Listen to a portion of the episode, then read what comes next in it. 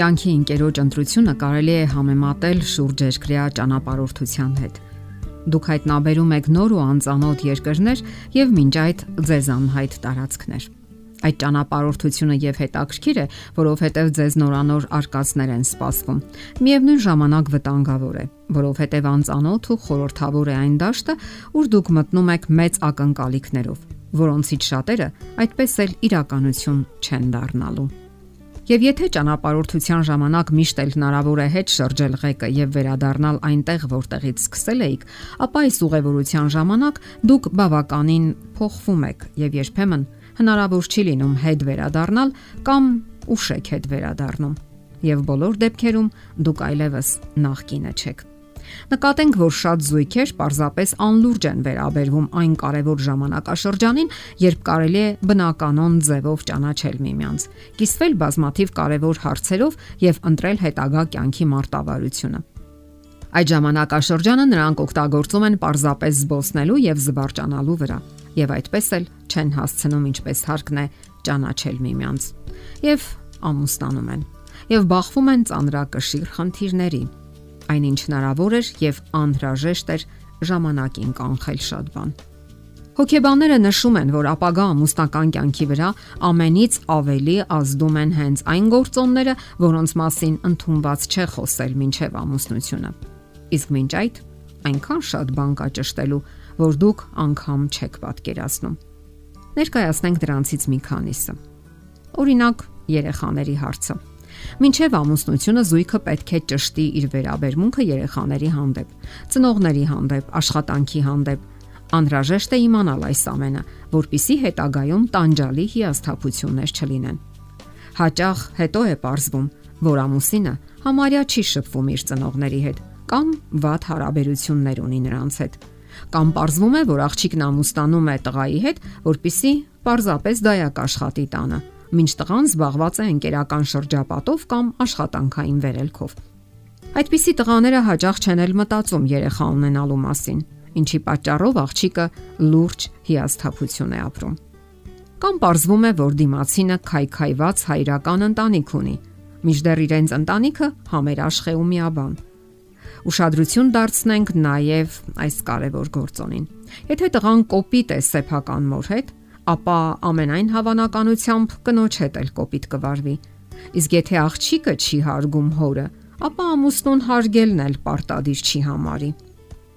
Հաշվի առեք նաև այս պահը։ Եթե դիմացինը սեր չունի ուրիշի երեխաների հանդեպ, ապա չի բացառվում, որ սեփական երեխաների հետ հարաբերություններն էլ բարդ լինեն կամ էլ կարող է պնդել, որ ինքը մեծապես հավատում է Աստծուն, իսկ ահա շատ հազվադեպ է եկեղեցի հաճախում։ Այս դեպքում շատ այլ հարցերի հիման վրա կարելի է լրջորեն կասկածել նրա անկեղծությանը։ Իսկ դուք քննարկում եք ապագայի ծրագրերը։ Իսկ միգուցե ձեր ծրագրերն ու երազանքները չեն համապատասխանում։ Ահա թե ինչու անհրաժեշտ է քննարկել ծրագրերը։ Խոսել ապագա պլանների մասին։ Եթե դուք արդեն մտածում եք ամուսնության մասին, ապա սկսեք քննարկել ձեր անձնական ու ամուսնական ծրագրերը։ Քննարկեք ամեն ինչ, ամենայն մանրամասներով։ Ինչը նույնիսկ փոքր հարցադրումներ կարող է առաջացնել ձեզ մոտ։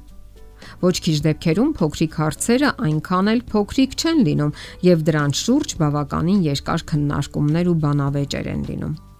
Կարևոր հարց է նաեւ թե որտեղ եք ապրելու։ Դա գլխավոր հարցերից մեկն է եւ դրա հետ կապված շատ այլ հարցեր են առաջանում։ Ինչ նպատակներ ունեք, քանի երեխա եք ցանկանում ունենալ հետագայում։ Ուզում եք արդյոք տնային կենթանիներ, ով պետք է վաստակի հանապազորյա հացի գումարները։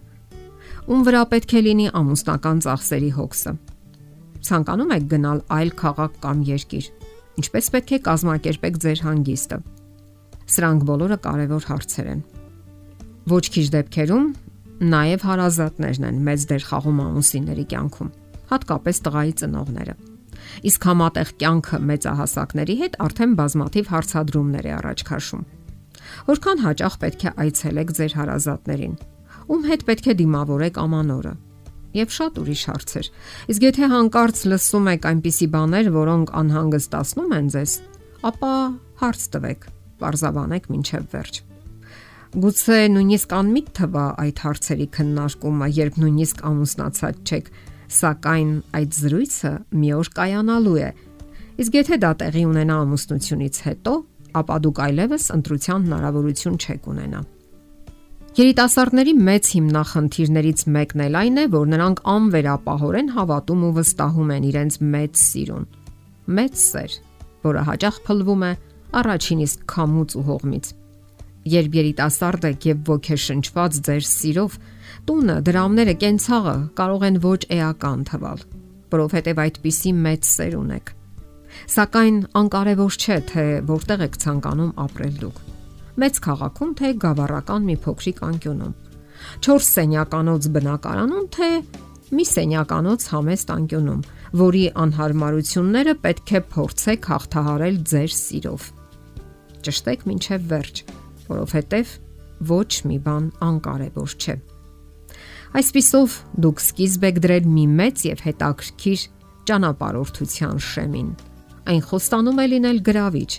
բայց եւ լի է վտանգներով եւ խութերով։ Մի խուսափեք հարցադրումներից ու քննարկումներից։ Օգտագործեք ներկա պահը հենց դրա համար, ինչի համար այն նախատեսված է։